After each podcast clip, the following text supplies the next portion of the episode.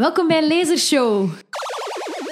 Hey Pauline. Hey, Eh, hoe gaat het? goed, goed. Blij hier weer te zijn. Ja, ik ben ook blij om hier te zijn samen met jou in deze nieuwe aflevering. Hoe Ben je, er- het ben je er klaar voor? Ik ben er klaar voor, ja. Ik ook. De cola staat klaar, de boeken liggen klaar. Ja, let's do this.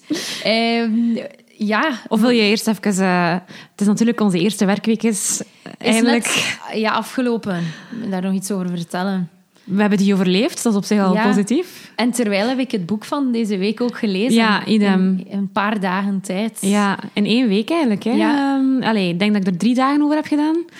Eh, het was inderdaad een, een drukke eerste week, met dit er nog een keer bij. Ja, ja, maar het heeft mij geen moment eh, verveeld. We zullen misschien gewoon er meteen Ah, over voilà, ja, we zijn er toch al over bezig. Dus, de Nickel Boys van Colson Whitehead in het Nederlands. De jongens, van Nickel. Ja, voilà. Jongens ja. van Nickel. Ze heeft ook dezelfde kaft. Hè. Het is een heel mooie cover. eh, en je hebt ook een eh, hardcover. En ehm, in het Engels heb je dan eerder zo'n softcover, denk Ah ik. ja, Dat je, je, oké. je hebt tot twee varianten dat je kan... ehm, Ja. Met een, een klein prijsverschil, denk ik. ja, het is... eh, ik vind welke, het prachtig. welke heb jij gekocht? Ah, je Wel, hebt- ik heb die geleend Ah. van mijn eh, schoonpapa. ah, je hebt een, een andere editie dan ik eigenlijk. Ja, Grappig. ehm, het is mooi, hè?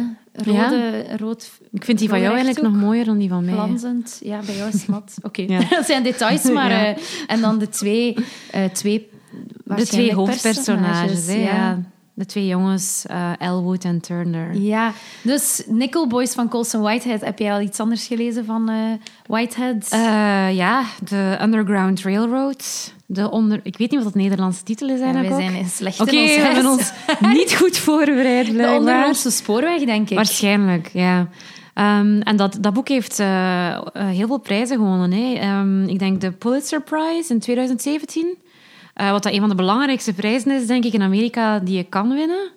En, dan, ja, ehm, en ook de National Book Awards. Ja, dat was het. Ik, die research heb ik dan wel gedaan. ik ook.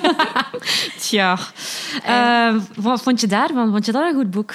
Ik vond dat fantastisch. Ja, Ja, echt. Ik vond dat ook heel, ehm, heel aangrijpend. Het concept daar is eigenlijk ook allee, de Underground Railroad of die ondergrondse spoorweg, het- de naam voor het netwerk dat eigenlijk slaven hielp ontsnappen naar het noorden. Ja. Heeft hij dan eigenlijk een letterlijke ondergrondse spoorweg van gemaakt, Ja. van een trein, zo gezegd, die de slaven echt wegbrengt. Het is eigenlijk een geniaal concept. Beetje magisch realisme eigenlijk. Eh, Ja, in, eh, in- Precies. ja, het is heel, heel goed gevonden. Ik weet ook dat ehm, ja, het boek heeft heel veel eh, aandacht gekregen ook. En eh, Oprah Winfrey en Barack Obama hadden het echt de hemel in geprezen. Dus wat dat, wat dat, zij, allee, wat dat goed genoeg is voor hun, is... Allee, Is ook ook goed genoeg voor het lasershow. zal wel zijn. Het zal wel zijn.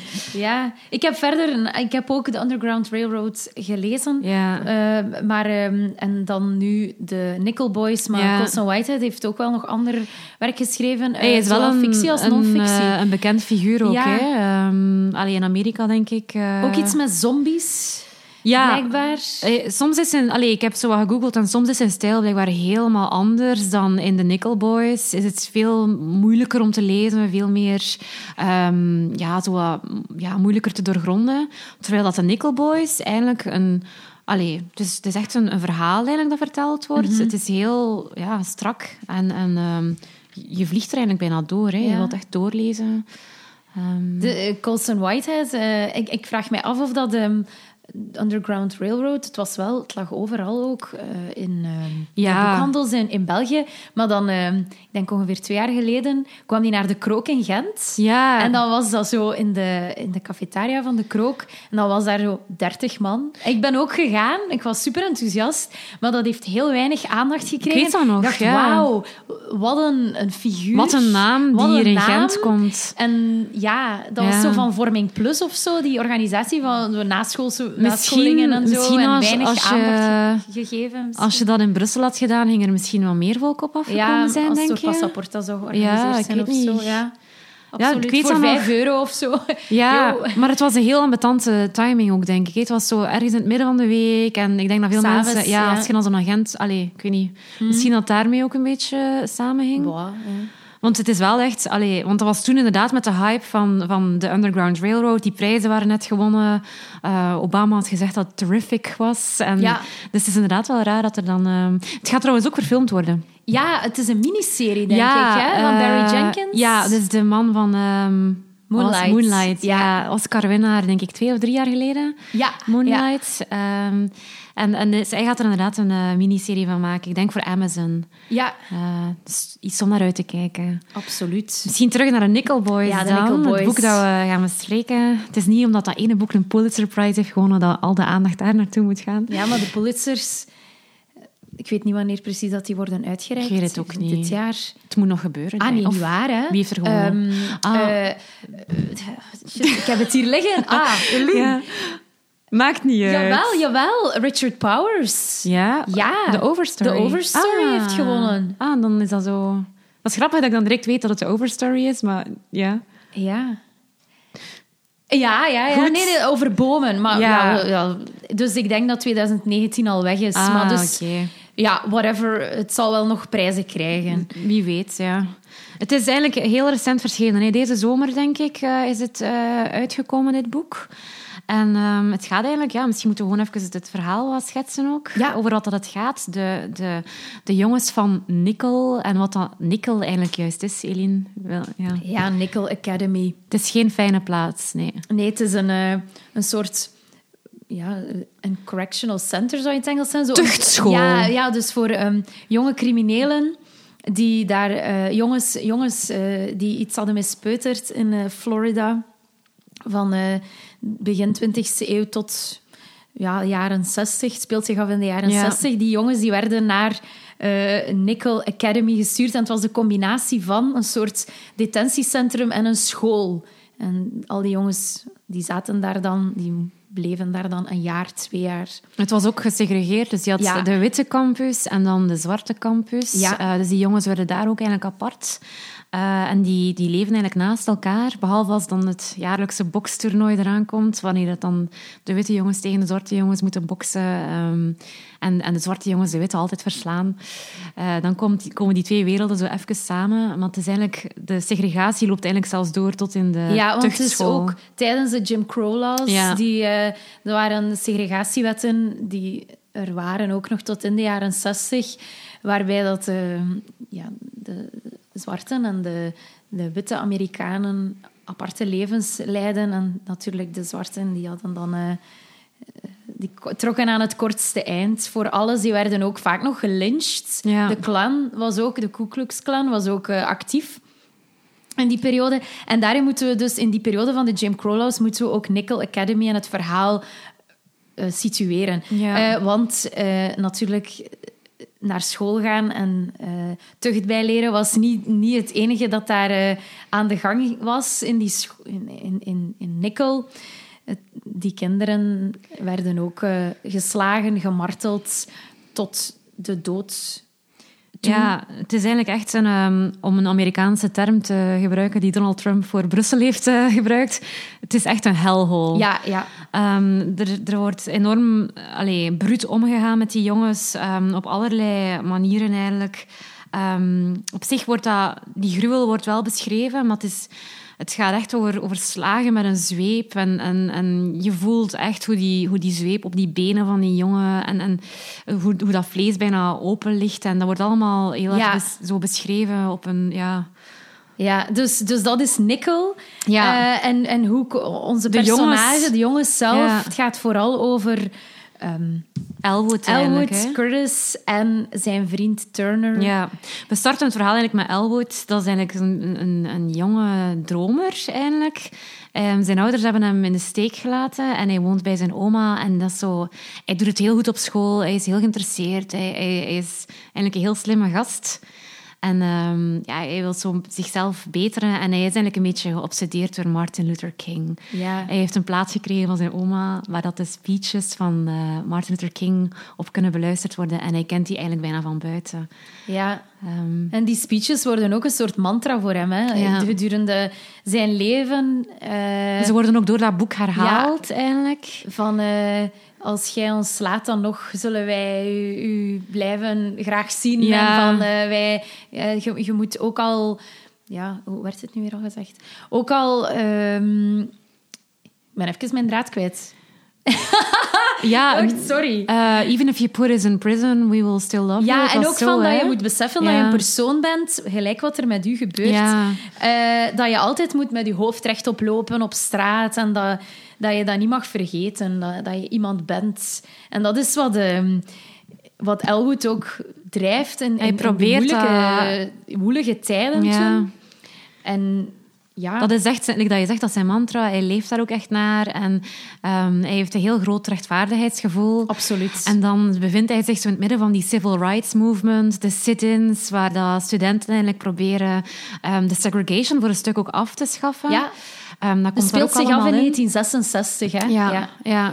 En, eh, en Elwood, die, zijn vader is ook opgekomen voor, voor zijn rechten. Die is dan wel uit, uit eh, de picture Ja. verdwenen. En zijn oma, die heeft ook wel die waarden, die draagt dat ook met zich mee. En die is ook wel wat strijdvaardig. Ze is een heel trotse vrouw, Ja. hè, de oma. Ze, wilt ook, ze, heeft, allez, ze, is heel, ehm, ze is streng naar hem ook toe, vind ik. Hij mag niet zomaar met iedereen omgaan. Hij moet met, met de juiste jongens vriendjes zijn.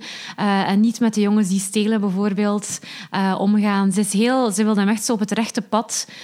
Ze neemt hem bijvoorbeeld ook mee naar werk als hij klein is, omdat ze dan toch hem in een omgeving heeft waar dat hij, Ja. ah, een oogje op hem kan houden, waarschijnlijk. Ehm, ze heeft hem ook voor een stuk eh, opgevoed, eigenlijk. Hè, omdat de moeder en Ja, de vader niet echt Ze in de zijn allebei waren. weg. En dat is ook heel... Ja, daar wordt heel weinig, er wordt heel weinig over gezegd. Die zijn Ze zijn gewoon- weg, gelukzoekers naar Ja, Californië, Californië. gegaan. En Harriet, de oma, voedt hem dan op. En, en het gaat hem allemaal voor de wind, hè, Elwood. Ja, Tot het lot. Tot dat, ja. Eigenlijk, hij maakt geen enkele fout. Hij is rechtschapen tot en met. En hij wint dan eigenlijk een soort van beurs om aan een, een soort van college te gaan Ja. studeren. Hij is daar ook heel trots op, terecht. En dan maakt hij de grote fout, waardoor dat hij dan eigenlijk niet in college belandt. Ja, maar dat is helemaal zijn schuld niet. Nee. Dus dit is ook geen spoiler, Nee. vind ik. Eh, Elwood stapt in de auto bij iemand die ervan beschuldigd wordt een auto te hebben Ja. gestolen. En omdat hij Omdat hij daarin zat. in zat, een soort Ja. eh, medeplichtige en belandt hij op Nickel Academy, of ja, in Nickel. En heel veel jongens die in Nickel zitten, zijn ook op een gelijkaardige manier daar beland. Ja. Eh, ze waren aan het spijbelen of ze waren ergens aan het roken waar ze niet mochten roken, want het was een zone die niet bestemd was voor zwarte mensen. En dus op een of andere manier ja, belanden die kinderen daar dan van echt heel kleine kinderen, tien jaar of jonger, tot 18, want 18 is de leeftijd waarop dat ze maximum er mogen zitten. Dus Dat is ook het schrijnende Ja. aan het verhaal. Eigenlijk, dat Elwood, eigenlijk, we, we leren hem kennen als een jongen die zo eh, geobsedeerd is door het juiste te doen, het goede te doen, eh, met zijn hoofd trots hoog allee, lopen. En dan belandt zo iemand eigenlijk in de plaats Nikkel. En dan weten we eigenlijk als lezer al van... shit. Ja, want dit, echt... dit wordt Ah. de hel voor hem. Had je dat ook? Want ik was, ik was aan het lezen en ik wist dus dan, dan houdt het ene deel op, hè, chapter 1 of zo.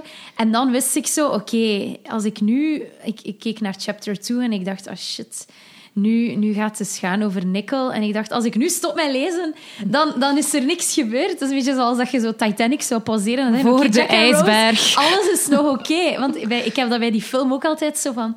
Je hebt zo het ding van, oké, nu gaat alles nog goed. En bij- ik dacht echt van, oh nee, ik weet zo... The Ja. shit hit the fan. Je weet ja. eh, wat, dat er, wat dat er aankomt, natuurlijk. Ja. Ehm, het is ook, Nikkel is eigenlijk een plaats waar dat de, de witte opzichters, maar ook, er zijn ook zwarte opzichters eigenlijk. Ehm, maar de, de blanke opzichters in die school, die hebben eigenlijk echt nog van hun, van hun vaders geleerd hoe dat ze de, de zwarte mensen in bedwang moeten houden. En, en dat zijn inderdaad, zoals al gezegd is geweest, mensen wiens vaders en die zelf eigenlijk actieve leden zijn van de, van de Ku Klux Klan nog en zo. Dus het is echt een, een, ehm, een plaats dat... dat ja, dat het sowieso echt het geweld er gewoon in de bakstenen muren ingegrift zit. Ja, absoluut. Er is ook een plaats, dat noemt de White House, ehm, het Witte Huis. En daar worden de jongens eigenlijk s'nachts meestal mee naartoe genomen ehm, om, om een pak rammel, een pak slaag te krijgen. Ehm, en dat is dan eigenlijk nog het minst erge, want er is ook seksueel misbruik of van alle kanten Ja. dat, dat daar gebeurt. En dan zijn er ook jongens die van de ene dag op de andere verdwijnen. Ja, en die worden dan afgeschilderd als runaways. Dus Ja. ze zijn weggelopen, want rondom Nikkel staat er ook geen muur, geen hek. Nee, er is een moeras, hè. Er zijn, er zijn zo swamps aan Ja, de ene kant. En dan kunnen ze blijkbaar ook u, het, de mythe is dat als je in de moerassen gaat, dat ze u minder goed kunnen ruiken. De honden, de bloedhonden kunnen dan uw spoor blijkbaar minder gemakkelijk volgen. En zo zijn eigenlijk heel veel mensen die proberen ontsnappen, ook vroeger op de, de plantages, eigenlijk, zo eigenlijk verdronken, omdat die moerassen heel ehm, verraderlijke plaatsen zijn. Hè? Ja, ja. Eh, heel gevaarlijk ook. En dus Met... Ja, sorry, zeg je Nee, maar ik, eerst. ik ging gewoon zeggen, Nikkel is eigenlijk een plaats waar je bijna niet uitgeraakt.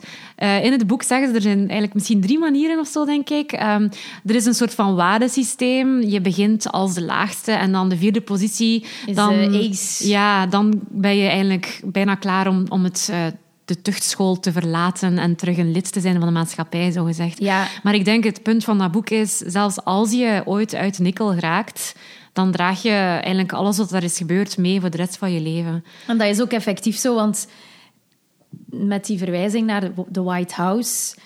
Het, het is ook gebeurd op waar, eh, ge- sorry, gebaseerd op waar gebeurde feiten. Ja. Want Colson Whitehead eh, heeft eh, zich gebaseerd op een, eh, een school, Dozier School for Boys, die ook in Florida Ja. was.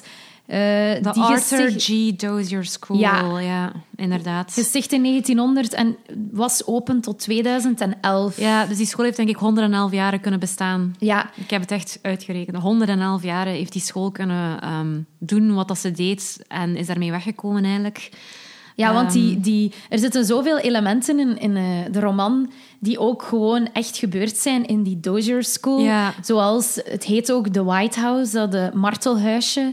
Eh, want zelfs de White House Boys ehm, is een soort eh, website. En ook eh, ja, dus een, een, een groep van Ja. survivors, overlevenden van die school. Ben je naar die website gegaan? Ja. Ja, ik ook. Ja. Het, ehm, Colson Whitehead legt het uit. Op het einde van het boek legt hij een beetje uit op welke feiten dat hij zijn roman gebaseerd heeft. En dan ver- vermeldt hij ook die website. En ehm, ja, dan, dan ben je natuurlijk wel getriggerd om daar naartoe te gaan en te gaan kijken van, van allee, wat er allemaal waar. En ehm, inderdaad, ze zijn in 2000 2009 denk ik een onderzoek gestart naar die school. En dan hebben ze echt, ehm denk 55 lijken gevonden eh, in de omgeving van die school. Eh, de meeste natuurlijk niet in de officiële begraafplaats. Dat is ook maar- al ja, zo wicked dat er een begraafplaats naast een school was. Ja, ja. en daar lagen dus ook kinderen die waren gestorven op die school. En daar hebben ze inderdaad dan de lichamen ook van nog misschien geïdentificeerd. Want er waren ook Wel, ongemarkeerde graven, Ja, denk ik. wel, dus, dus naast die... het onderzoek is nu nog altijd lopende. Eh, het is gestart in eh, 2009, denk ik. Dus het is nog altijd bezig. En ehm, de, de archeologie-department is er ook in betrokken. Ja, en zo. ja, van de- En de universiteit, Naar het schijnt zou de, dat er... ehm, allee, de, de instelling is nu wel toe. Die is in 2011 is de school gesloten. Maar Mm. het schijnt... Allee, de mensen die daar gezeten hebben, de White, allee, de White House Boys zelf, zeggen dat, dat die ehm 55 lijken, dat er eigenlijk nog veel meer gaan gevonden worden in de omgeving. Als er, als er meer ehm, opgravingen gaan gedaan worden. Ze spreken over meer dan 100 lichamen. Ja, ja, want ik heb nu... eh, Het meest recente dat ik heb gelezen Ah, was voilà. van juli. Ah ja. En dat ze dus weer 25 soorten menselijke resten hebben gevonden. ja, dus dat dat ook stoffelijk, weer- stoffelijk, overschot. Ja. En dat dat dan ook weer zou wijzen op zoveel meer doden die dan onder bomen liggen. Of die... Ja, dat is gewoon absoluut gruwelijk. Ja. En die universiteit is inderdaad daarmee bezig om, om met een soort on- onderzoekers van de archeologie om dat allemaal eh, te, uit te zoeken. Wie was het? En, Ja. En ook Wel- ze hebben heel weinig, heel weinig eh, eh, nog waarop dat ze kunnen een beroep doen. Van, van getuigenissen, Ja. heel wat doden zijn uit de jaren dertig of zo. En eh, ook eh, de aanklacht zou al verjaard zijn. Of Dat ja, is zo, als feiten is- vervallen is, eh, zijn, wordt dat allemaal veel moeilijker in de US. Ja.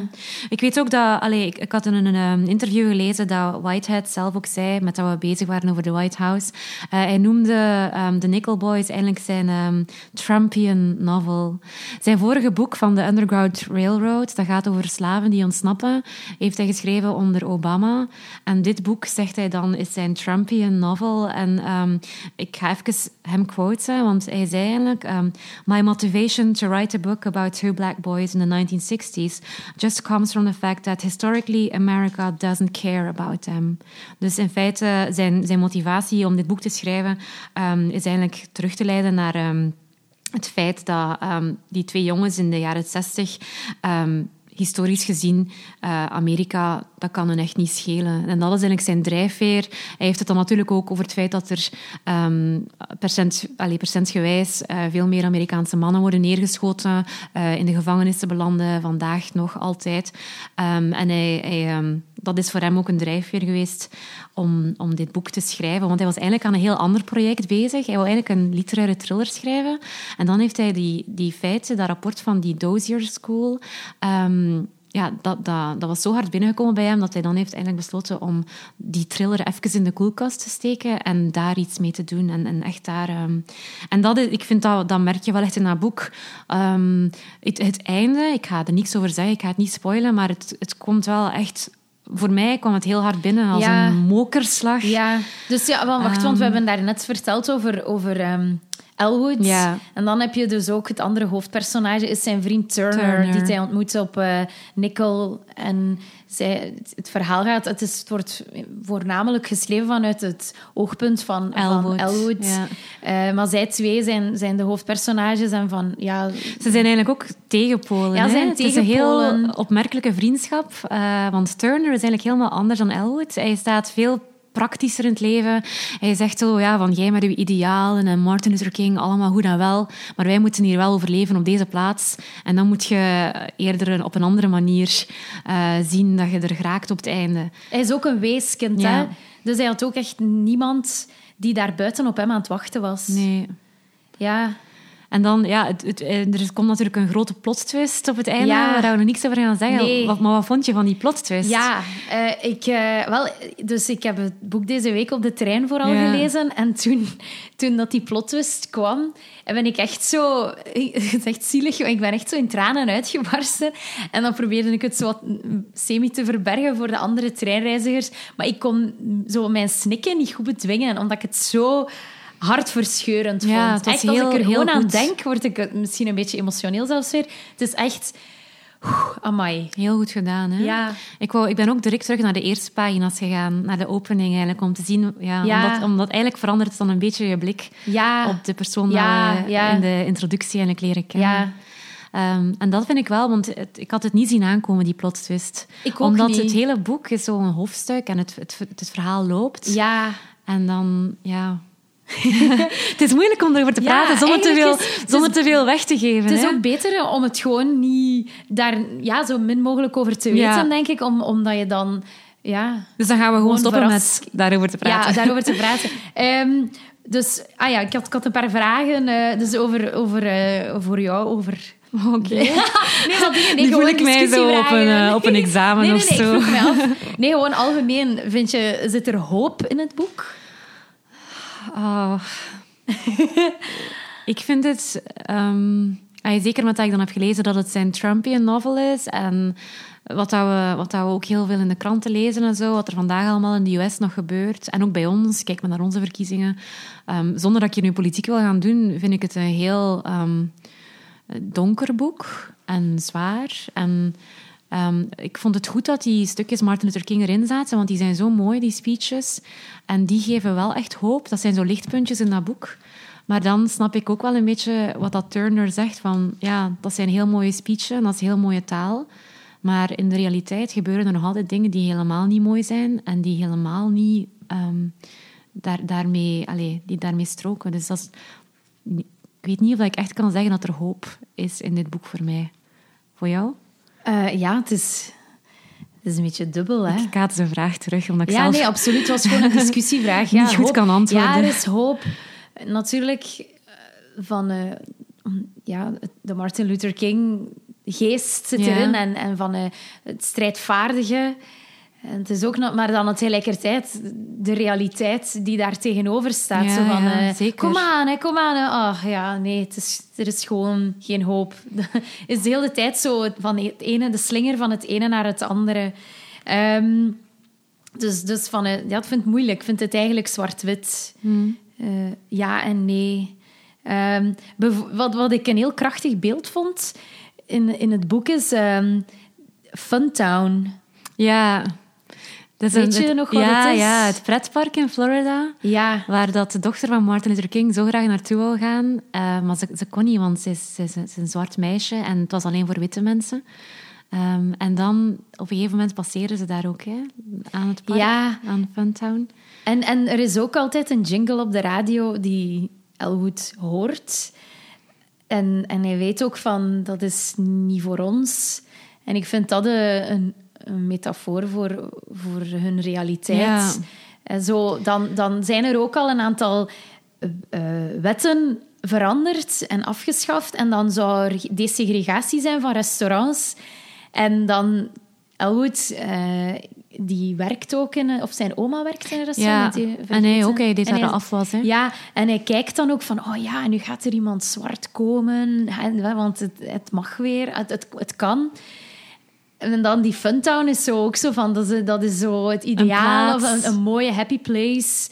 Een soort ideaal dat ook misschien in die speeches van Martin Luther King zitten. Zo van, hè, van de, ja, ik weet niet, ik, het, voor mij was dat een soort metafoor van het ideaal en dan van de realiteit die er tegenover staat. ja, als je mij vraagt van zit er hoop in, als ik daar nu aan denk eigenlijk, hè, en als ik even mag terugkoppelen naar ehm, The Underground Railroad, dat andere boek, waar dat het eigenlijk gaat over ehm, slaven die weglopen van de plantages. De plantage is ook een verschrikkelijke plaats waar dat slaven moesten werken om, allee, om katoen te plukken. Die, die werden ook geslagen met de zweep en zo.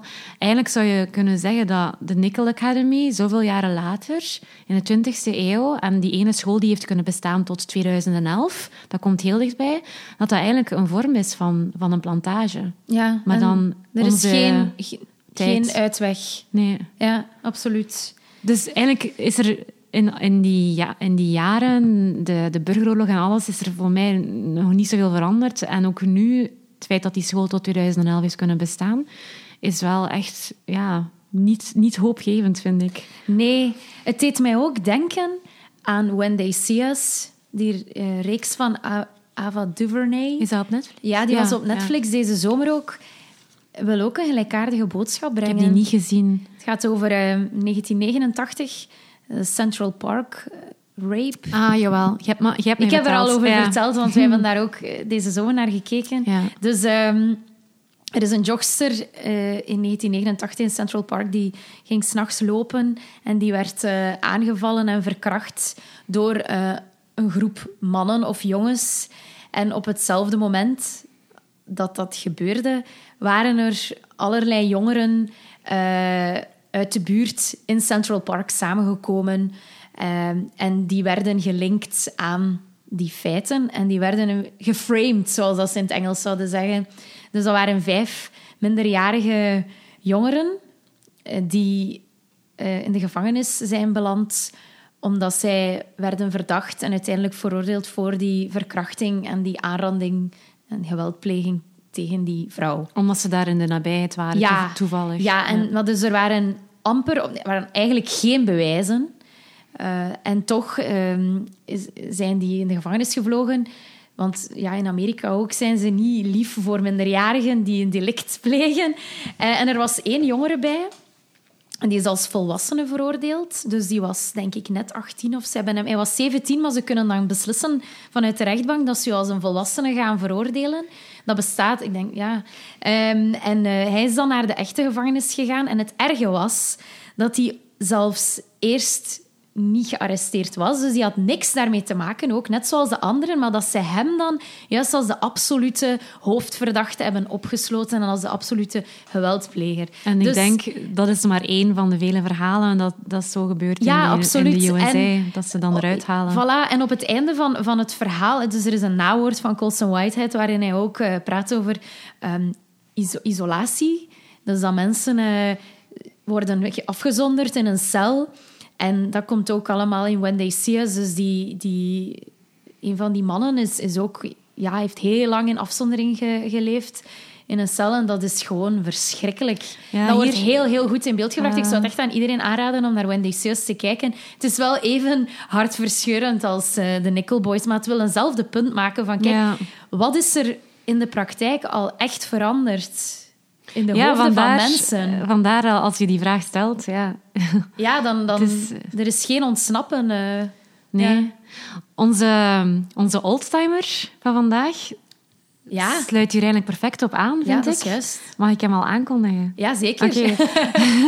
Ehm, de oldtimer die we vandaag gaan bespreken is To Kill a Mockingbird van Harper Lee. Oeh. Ken, ja, ik denk dat iedereen dat boek wel kent, waarschijnlijk. In Van- Nederland spaar de spotvogel. Ik heb Ja. dat in de vorige aflevering denk ik ook al gezegd. Spaar de spotvogel.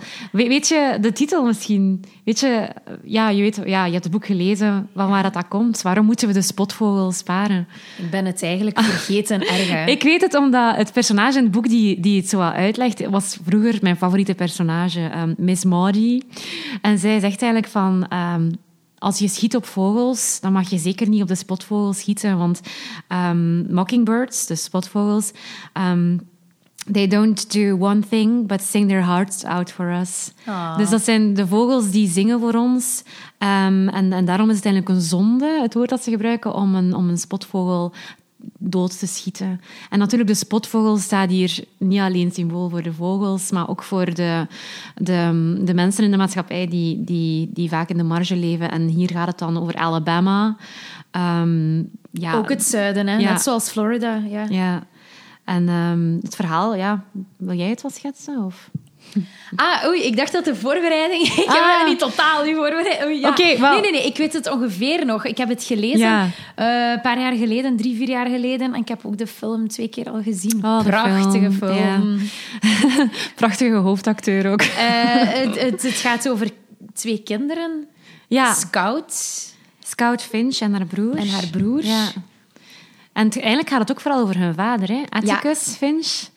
Ehm, die een advocaat is. En die ehm, op een gegeven moment eh, gaat hij eigenlijk, neemt hij de zaak aan van een zwarte man. eh, Tim Robinson, denk ik. Die eh, beschuldigd wordt door een blanke vrouw ehm, dat hij haar zou aangerand hebben. En gewoon het feit dat Atticus Finch als respect, respectabele burger zich die verdediging op de... Allee, dat hij dat doet, zorgt er eigenlijk voor dat hij door de andere mensen in het dorp of in het stadje eigenlijk al wordt ja, negatief bezien als... als ik ga even... Ik weet niet of ik het mag zeggen, maar... ehm, ja, het is zo wat moeilijk, want in het boek zeggen ze nigger lover... Maar Ja. het is voor ons heel moeilijk de dag van vandaag om dat te lezen eigenlijk. Maar hij wordt zo genoemd omdat hij eigenlijk de zwarte mensen helpt. En ook zijn kinderen worden gepest ehm, op school en zo, omdat hun papa eigenlijk het opneemt voor die zwarte man. En dus de, het boek het gaat ook inderdaad over die kinderen en hoe dat ze leven, maar het gaat eigenlijk ook over die rechtszaak die zich daar afspeelt. En heel het dorp komt dan kijken Ja. als die rechtszaak wordt... eh, Het is, het- Ja, de, het- het- ja, de grote climax is dan eigenlijk ook de, de, de speech die Atticus geeft. Het is schitterend, je kan die ook op YouTube zien. eh, ah, de filmversie dan hè, van eh, met Gregory Peck, mijn grote crush van vroeger. Ehm, Terecht. ja, ja, echt een, allee, een prachtrol van hem. En het is een heel, heel bekende speech eigenlijk ook, waarin dat hij dan eigenlijk... ehm, ja, het gaat over zo equal rights en, en rechtspraak in de US. Het is heel opzwepend. Maar natuurlijk, op het einde, het is, like dat we zeiden, Alabama. Dus die man heeft geen schijn van kans. Hij wordt natuurlijk wel schuldig verklaard.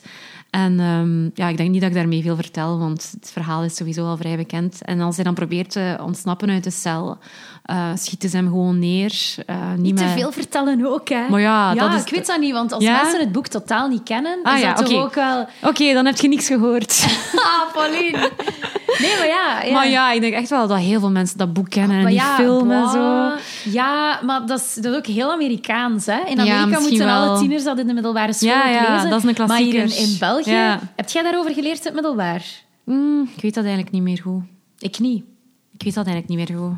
Ik weet niet hoe, dat, hoe dat ik dit boek ken eigenlijk. En zelfs aan het unief Want ik heb dat wel gelezen. wij- Ik heb dat wel gelezen in het middelbaar, maar ik weet niet hoe dat ik daarbij kwam. Ah, ja. Eh, ik heb die film zelfs denk ik als, als kind of zo, of zo echt zo als, jongere nog gezien voordat ik dat boek had gelezen. Ah, ja. Omdat dat zo'n klassieker is. Ja. Ehm, Ik zou er niet helemaal van uitgaan. dat we leven allemaal onder een stolp, hè. Ja, dat is misschien wel waar. Ja. Nu, het is, ik, ik vroeg, een collega van mij heeft het nu gekocht voor zijn dochter. Ehm, en ik vond dat wel interessant, omdat het toch een van die boeken is. Ja, zoals ik net zei, die N-word wordt daarin gebruikt. Is dat nog een boek dat in elke high school moet gelezen worden? Maar ik denk dat ik ook misschien Dat is een debat. heb ge- gelezen dat ze het willen bannen omwille daarvan. Dat is zoals met die film van Gone with the Wind. Ook, Ah, ja, dat is een ja. klassieker, maar eh, er, was, denk ik, er waren cinemas in eh, was het Oklahoma, ik weet het niet meer, die hem niet meer wilden spelen, omdat dat eigenlijk misschien een beetje de dag van vandaag ehm, heeft het een, een heel vertekend beeld van, van zwarte mensen toen in die tijd. Ja. Ehm, maar dat is natuurlijk... Ja, dus ik vroeg aan mijn collega, hoe sta je daar dan tegenover? En hij zei van, nee, we moeten dat juist zeker blijven lezen. En, en zeker ook jonge mensen hebben waarschijnlijk wel genoeg context om dat te plaatsen. En ehm, we moeten dat zeker blijven lezen. En hij zei ook, ja, als we zo gaan denken, dan kunnen we... Want hij heeft... hij heeft filosofie gestudeerd, eh, kunnen we de helft van onze filosofen eigenlijk niet meer lezen. Want ja, die hielden er ook allemaal denkbeelden op na die de dag van vandaag niet meer oké zijn. Maar het is dan natuurlijk een interessant, ehm, een interessant ge, allez, debat. Wat, Ja. doen we, wat doen we met die boeken waarin dat, ja, de N-word constant wordt gebruikt? Ja. Voor ons is dat heel raar om dat te lezen, maar... Ik vind het eh, eh, interessant, want jij, jij had eh, die link gemaakt. gezegd van, we kunnen deze als oldtimer gebruiken. Ja. En dan, ik was online nog van alles aan het lezen, dan schreven ze ergens van... There is no Atticus Finch riding to the rescue in the panhandle. Dus dat stond in een review over de Nickel Boys van... In dit verhaal is er eigenlijk geen Atticus Finch, zo- een advocaat, Ja. iemand die het voor hen Want opneemt. er is een advocaat, maar wat voor soort Ja. mens is dat? Hij neemt de benen. De, mama, eh, de oma van Elwood heeft inderdaad een advocaat onder de arm genomen. En dat is eigenlijk gewoon een oplichter die het laatste geld van de mens aftroggelt en er dan gewoon inderdaad mee wegvlucht. Het is eigenlijk bijna het tegenovergestelde van die morele figuur dat we hebben, die rechtschapen eh, Atticus Finch. Ehm, ik wou vroeger ook altijd, ik, als ik dacht van als ik ooit een kat heb, dan wil ik die Atticus noemen. Ah, Atticus Finch. Atticus, Catticus, ja. maar ja, goed, het was een, ja, uiteindelijk een vrouwelijke kat, dus dan ging dat niet. Spijtig. maar ja, ehm, To Kill a Mockingbird is, is een, een klassieker inderdaad. Het heeft echt zo die status verworven. En ehm, er is recentelijk ook een vervolg op gekomen. Ja, Ja, ik weet niet meer hoeveel jaren geleden. eh, vier jaar geleden. Ghost Ja. of the Watchmen. En eh, ik zal deze keer dan de Nederlandstalige titel zeggen. Ga heen, moeilijk voor West-Vlamingen. Ga, ga heen en zet een wachter. Ehm, dat komt uit de Bijbel. Eh, het klinkt natuurlijk veel beter in het Engels. Go set a watchman. En de watchman is dan eigenlijk Atticus, de vaderfiguur, die in het boek eigenlijk helemaal niet meer de Atticus is die we kennen uit To Kill a Mockingbird. Hij is eigenlijk bijna zo'n oude, verzuurde racist geworden. En daarom heeft het boek heel gemixte, ehm, een gemixte ontvangst gehad eigenlijk. Ehm, veel mensen waren een beetje in shock van... Wat heb je gedaan met Atticus? Dat is niet de figuur Ja. dat we ons herinneren. En ook Harper Lee, ehm, De schrijfster, ja. de schrijfster. Het lijkt alsof zij ergens werd gepusht om het eh, uit te brengen. Ja, ze was toen al eigenlijk op, op een vrij hoge leeftijd. En er zijn eigenlijk verschillende theorieën die zeggen dat, dat ze eigenlijk ergens eh, dat ze misbruik van haar gemaakt hebben in haar eh, dementie om, om de goedkeuring te geven om dat boek te publiceren. Want het is wel, als je het leest, het is echt geen hoogvlieger. Hè? Het was Nee. echt niet goed. Eigenlijk moet je dat niet lezen. Nee, maar is, ik- ik, wil het gewoon even vermelden, want het is wel een interessant geval. Het is eigenlijk ehm, het is gepubliceerd als een boek, maar eigenlijk wordt er nu aangenomen dat het een... ehm, het is eigenlijk een vervolg op To Kill a Mockingbird, maar eigenlijk wordt er nu aangenomen dat het helemaal geen vervolg was, maar eigenlijk een first draft. Dus een eerste versie van To Kill a Mockingbird. En Dat daarom is heel ook- raar, vind ik, omdat je bijna zonder To Kill a Mockingbird te gelezen te hebben, dat dat heel raar zou overkomen, omdat ze daar vaak ook naar verwijzen, impliciet, maar je ziet naar het dat het verleden. niet zo goed geschreven is, Nee. vind ik. nee, want er waren zelfs geruchten dat zij dat zelf niet zou geschreven hebben, Ja. dat dat een marketing stunt was, dat iemand anders gewoon, om dat nog eens in de aandacht te brengen, dat Ja. geschreven. Ergens, als je het zo leest, dan denk je zo van... Ja, je ziet waarom dat de redacteur of de, de editor toen heeft gezegd van nee, doe maar iets anders. Uh, als het echt een first draft zou zijn, dan snap je echt wel waarom. Want het is echt... Het is geen goed boek en het is zeker geen opvolger um, van het kaliber van To Kill a Mockingbird. Ja, maar Harper Lee heeft verder toch eigenlijk nee. ook niks uh, geschreven. Hè? Uh, she's a one-hit wonder. Ja, zeggen, iedereen heeft één goed boek in zich en Harper Lee heeft er toch één Ja, ze heeft één boek gebracht. geschreven en daarna niets meer. Ja, Dus, ze was ook goede vrienden met uh, onze de auteur van vorige week, uh, Truman Capote. Ja, inderdaad, want een van de personages in To Kill a Mockingbird... Ja, het vriendje van... Uh, ik ben even zijn naam kwijt, maar het vriendje van, um, van Jam en um, Scout was gebaseerd op Truman. Want zij waren ook buren, hè? Ja, Harper Lee inderdaad. en uh, Truman Capote. En... in dat opzicht is het ook leuk om dat te lezen. Ja. ja. ja, voilà, de oldtimer. Um, Oké, okay, goed. Misschien nog... Even terug naar... Even nog terug naar Nicole De jaren 60, ja. ja um, welk soort lezer, denk je, zou de Nickel Boys bevallen? Goh.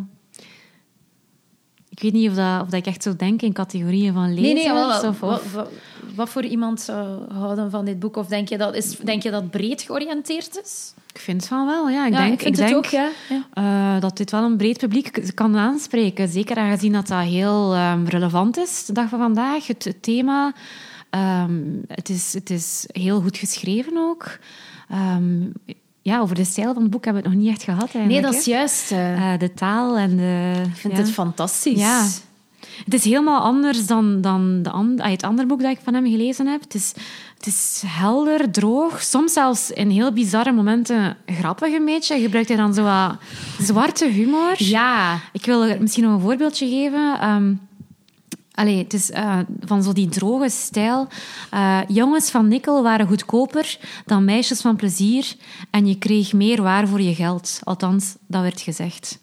Ja. Dat is zo allee, chockerend eigenlijk bijna, dat hij dat zo schrijft. Um, het, is, het is eigenlijk... Het, het leest ook heel vlot. Uh, veel mensen vinden eigenlijk dat hij een beetje zijn eigen stijl verloochent, omdat hij zo anders zo meer zo van dat prestigieus taalgebruik en zo van meer moeilijker en zo dense proza gebruikte. Veel mensen vinden dat dit zo, ik denk in de humo was het dat ze zeiden dat hij hier een knieval maakt voor de commercialiteit.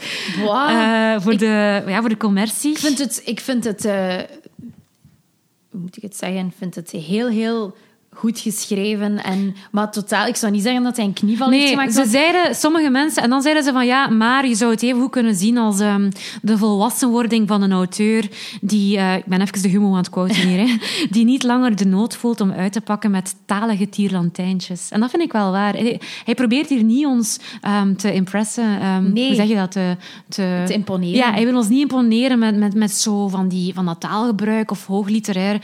Maar het, het blijft gewoon steengoed. Ja, maar hij, hij, doet toch ook veel aan beeldspraak, vind ik. En dat je ook wel zo tussen de lijnen moet lezen wat, er, wat hij precies bedoelt. Heb je een voorbeeld? Uh, nee, ik heb ah, het moeilijk. je zit met je boek open. Ja, nee, ik dus ik dacht... Ja, ik zit wel met mijn boek ja. open, omdat ik een voorbeeld wil zeggen ah, van die donkere humor. Ah ja, je had ook eentje. Ja, Nee, het is, ik, ik moest luid op lachen. Dus Turner en Elwood, uh, die ontmoeten elkaar opnieuw. En ze zijn dan vrienden. En Elwood, die uh, belandt in... Uh, de ziekenboeg van Nicole, dus die ligt in het ziekenhuis daar. En die ziekenhuis moet daar niet te veel bij voorstellen.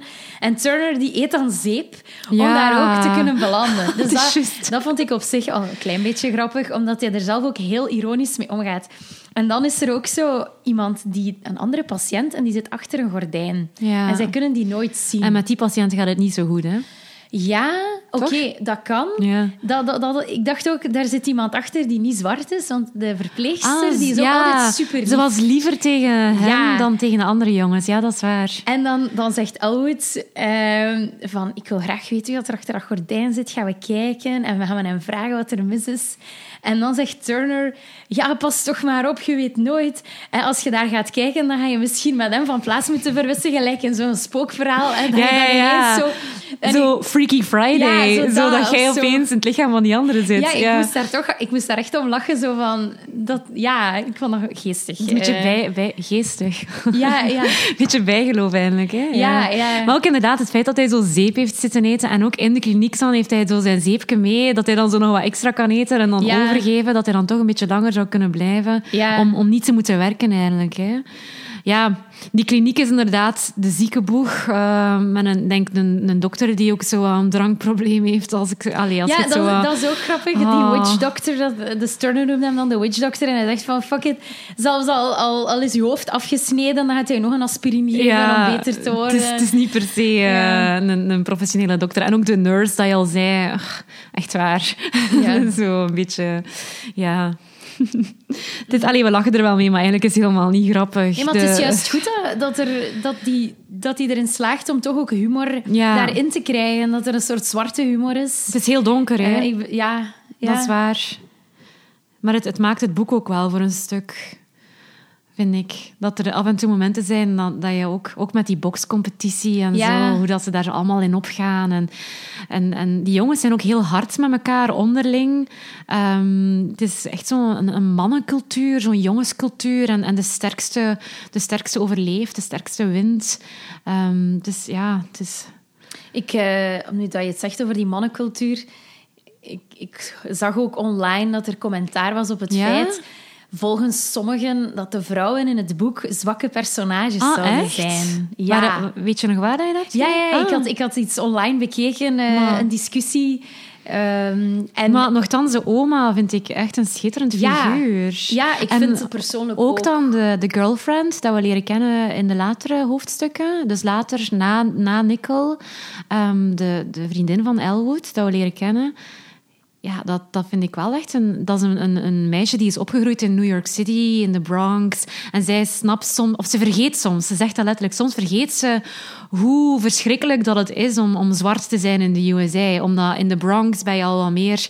ehm, en en zij, zij ze komt eigenlijk met Elwood samen en ze, ja, ze redt hem ook. En ik vind, hem, ik vind haar eigenlijk wel... Ook al, oké, ze krijgt misschien niet veel aandacht, want ze komt er niet superveel in. Nee. Maar ik vond haar wel mooi beschreven en ik vond dat wel een, een Ik fijn vond, dat ook, ik vond dat ook. En ik vind ook Ik ben haar naam effectief... even kwijt. Millie? maar- Millie, ja. dat die Harriet, die oma, ook echt iemand is, zoals dat we daarnet zeiden, met overtuigingen. En zij, zij houdt ook eh, Elwood binnen, binnen de... Hoe zeg je dat? Ja, binnen de lijntjes. Maar ze wil dat hij vooruit gaat. Ja, en en ze... dankzij, ik, ik geloof ook dat dankzij haar waarden dat hij ook de weg heeft gevonden naar Martin Luther King. Want ik vraag me zelfs af, misschien heeft, heeft zij hem die plaat gegeven, dat weet ik niet meer Ik denk het wel, ja, ja, dus, want ze heeft het zich achteraf nog beklaagd, denk ik. Omdat hij dan daar zo in opging. En ja, zijn rechtschapenheid is eigenlijk voor een stuk ook een, een, een probleem. Soms voor hem, een steen dat hij zo op zijn rug meedraagt. Van ik moet eh, altijd het juiste doen en met mijn hoofd hoog lopen. En, ja. Nee, ik ben even nu, terwijl hij aan Allee, ik was even nog aan het kijken naar die laatste pagina's, waar we Millie dan zo wat beter leren kennen. Ehm, en ik vind wel, ze heeft daar zo één stukje tekst, zo één paragraafje. En dat vind ik echt heel mooi. Wil ik ga het niet- graag voorlezen? Ik ga het niet lezen, want het is te lang. Maar ik, vond dat, ik heb dat helemaal onderlijnd bijna, je kunt het zien. Ja. Ehm, ik vond dat eigenlijk juist wel heel mooi, hoe dat we dan haar point of view krijgen. En dus ik vind die kritiek dat je daarnet... Ik snap helemaal niet waar dat die komt. Voor mij, ja, ik vind dat dan ook, om eventjes advocaat van de duivel te zijn, moet ook niet, dat feminisme... Meestal, meestal als mensen zo zeggen van, om even de advocaat van de duivel te zijn, dan, dan volgt er zoiets dat je denkt van oei oei. Nee, maar nee, zeg maar, zeggen gewoon, zeg maar de het- advocaat van de het- duivel. Kijk, het gaat hier over hè, racisme en, en, en over, het verhaal gaat ook over die Nickel Boys en die Ah ja, jongens. wat en moet- alles moest- wat moest zij doen? Voilà, Moet zij dan misschien zeggen, de Nickel Boys and Girls Academy? Allee, seriously. Allee, Ja, de- dus eigenlijk alle andere personages daar rond die ondersteunen mee het verhaal van Ja. Elwood en Turner. Man en vrouw. En inderdaad, het is geen Girls Academy. Dat En- is, ja. dat is helemaal waar. Dan kan je eigenlijk het omgekeerde ook zeggen. Want dit, dit boek doet mij soms denken aan die Ierse film. De Magdalene Sisters, ja, die. mij ook, ja. Dat, en dat is dan het verhaal van een vrouwelijke wasserij in Ierland. eh, Een wasserij, of een wasseret, hoe noemt dat? Waar dat vrouwen eigenlijk de wassen moesten doen om hun eigen zondes. Omdat ze een kindje hadden gekregen. Of omdat ze allee, iets hadden gedaan dat niet mocht toen in het katholieke Ierland. En dan zou je dan die kritiek omdraaien en zeggen van ja, maar hier komen geen sterke mannelijke personages in. Nee, het is gewoon een verhaal van vrouwen. Dus het is nu eenmaal zo. Hier vertelt um, Whitehead het verhaal van die twee jongens. Ik, ja, het is een beetje te... Ja. Ik vind het een beetje bij het haar gegrepen. Dus ik vind dat ook ik vind het niet echt Het is ook een argument dat je bijna overal dan zou kunnen... Ja... Ik, ik snap misschien ergens wel van waar dat, dat komt, hè, maar ja, nee. Een focus op iets leggen betekent ook een focus niet op iets anders ja, leggen. Het is een verhaal dat je vertelt uiteindelijk, naast heel veel andere verhalen die ook alleen verteld zijn en gaan verteld worden in de toekomst nog. Hè. Um, het is niet omdat je de keuze maakt inderdaad om die focus te leggen, dat je dan als auteur moreel de, de, de, focus maakt, ay, de keuze maakt om de focus niet ergens anders te leggen. Mm. Allee, dat, dat vind ik ervan. Ik ga, ik ga volledig uh, akkoord. Oké, okay. uh, zullen we dan een score geven? Mm. Ik heb juist nog wat cola in mijn mond. Um, ja, ik heb... Um, zal, zal ik eerst gaan? Ik heb vier of vijf laserstralen. Oké, okay, prima. Jij? Ik ga vijf op vijf Vijf geven. op vijf? Ja, ja, echt? Ja, ik vond het af. Ja. Ik had eigenlijk geen... Ik heb... Kan amper... Want we hebben nu al de hele tijd gepraat, maar ik, ik, ik heb eigenlijk bijna geen punten van kritiek. Ja. Op, allee, ja, dat, dat blijkt nu ook wel uit onze analyse. Voor mij persoonlijk... Het is voor mij een, een, een heel, heel sterk boek. Zowel uh, vormelijk als inhoudelijk... Um, het is met, concise, met, um... het, is, is, uh, het is ook, er staat geen woord te veel in. Het is maar 210 pagina's, ja. dus dat is echt heel doenbaar. En ja. het heeft uh, een heel mooi einde. Ja, het heeft maar ook een heel mooi einde. De laatste zin is ja. een van de beste eindzinnen dat ik al heb gelezen. Ik heb hem ook helemaal... Ik heb er een groot uitroepteken bij geplaatst, omdat ik het zo mooi vond. En het, het brengt het verhaal ook zo'n beetje full, full circle. circle. Ja. En dat vond ik heel goed gedaan. Um, dus ja, topscorer dan. Ja, super. Dan komen we op een gemiddelde van 4,5 stralen. Ja, wauw. Oké, okay, ik denk dat wij rond zijn. Hè? Ja, voor uh, deze keer wel. Dan moeten we nu gewoon het woord doorgeven aan onze onbekende lezer van deze ja. week. Oké, okay, en dan zien wij en dan elkaar zien wij binnenkort ja, terug de met volgende een nieuw keer. boek. En jullie zullen wel zien welk boek op onze Instagram. Dag. Dag. Het boek dat mij het meest is bijgebleven, of een boek dat een veel indruk op mij gemaakt heeft, is het boek Eenzaam Verdriet van Bernice Rubens. Um, dit is niet per se een supergoed boek of hoogkwalitatief boek, maar het is het eerste boek dat ik gelezen heb waarvan ik dacht: tja, lezen is toch wel iets bijzonders. Uh, waarom? Voornamelijk vanwege de personages uit het boek. Er is één personage dat mij altijd is bijgebleven en dat is een nevenpersonage, Esau. Dat is een superharige man. En op een dag komt hij bij een psychiater langs.